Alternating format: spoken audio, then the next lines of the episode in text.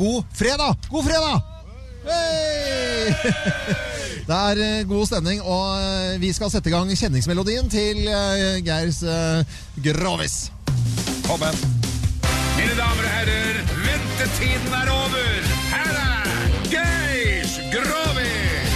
Nå kan alle sammen klappe i hendene for de som ikke har. Det er eh, god stemning eller rope høyt i hurra. Vi er om bord i KNM Storm, og det er Geis Grovis eh, på, på eh, direkten. Og det er gjestegrovis, og det er eh, kokken, og han er fra nord. Og jeg tror dette her må gå på ansvaret til, eh, til lytterne våre. At, eh, for de som er startet, de kan ikke høre på dette her, har Nei, jeg følelsen av i hvert fall. Men, og, og jeg må jo bare si det her at det er vel første gangen gjestegrovisen har blitt overvåka av ubåt, for det ligger ved siden av her nå. Ja, og, det, og forsvarsministeren har jo akkurat dratt, og det kanskje er like greit. Ja, det er kanskje like greit. Ja, eh, kokken, det er egentlig bare å fyre, fyre i vei, altså. Så vær så god. Ja, det har det sånn at eh, svigerdattera kommer hjem til svigerfar sin, og så sier hun Pappa, pappa, jeg må få låne Merca til skoleballet. Nei, nei, sier han, det går ikke det.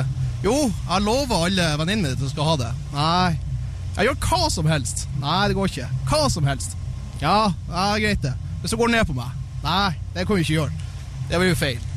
Jo, det måtte hun gjøre, så skal jeg gjøre det. Ja, hun gikk ned der og styra på. Kikka nå opp, og så sulta hun litt videre, og så kikka hun opp igjen og sier hun Pappa, jeg smaker jo skit. Stemmer det. Bror din har bil. Vet du hva, du Geir? Jeg visste det, visste altså. du nå tuter Vi er om bord KNM Storm, og dette var kokken fra nord. Ja, nå hørte dere tute her, og det, det tyder på at den vitsen her er noe av det eh, Havneoppsynet kommer her, og nå blir det helvete. Vet. Når kystvakten begynner å blande seg inn i grovisen, da er det veldig bra vi, som ligger ved siden her.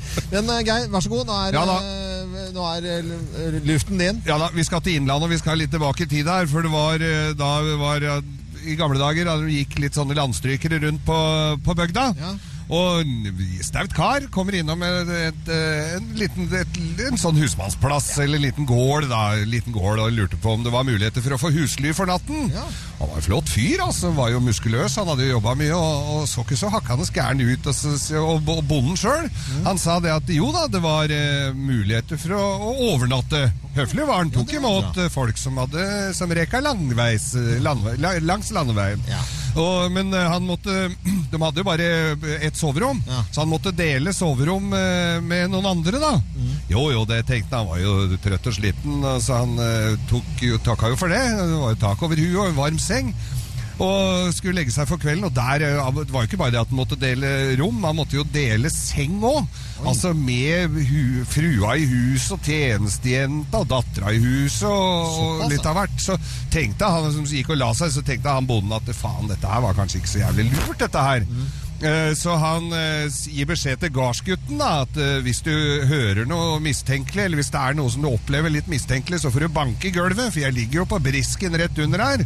Så jeg får ta litt eh, for ja, han hadde jo vært ung sjøl, da, så han visste jo det at når tilbudet bøy seg, så Eller kanskje ikke bøy seg engang, men at det var Ja. Så så han eh, gikk opp og la seg på, på hemsen der, og han var var jo i form, så det var jo ikke med Parafinlampa var jo ikke mer enn så vidt eh, blåst ut før han eh, mæla på eh, frua i huset. Ja. Lirka han inn eh, bakfra. Ja, skjønte det. Du skjønte det? Ja.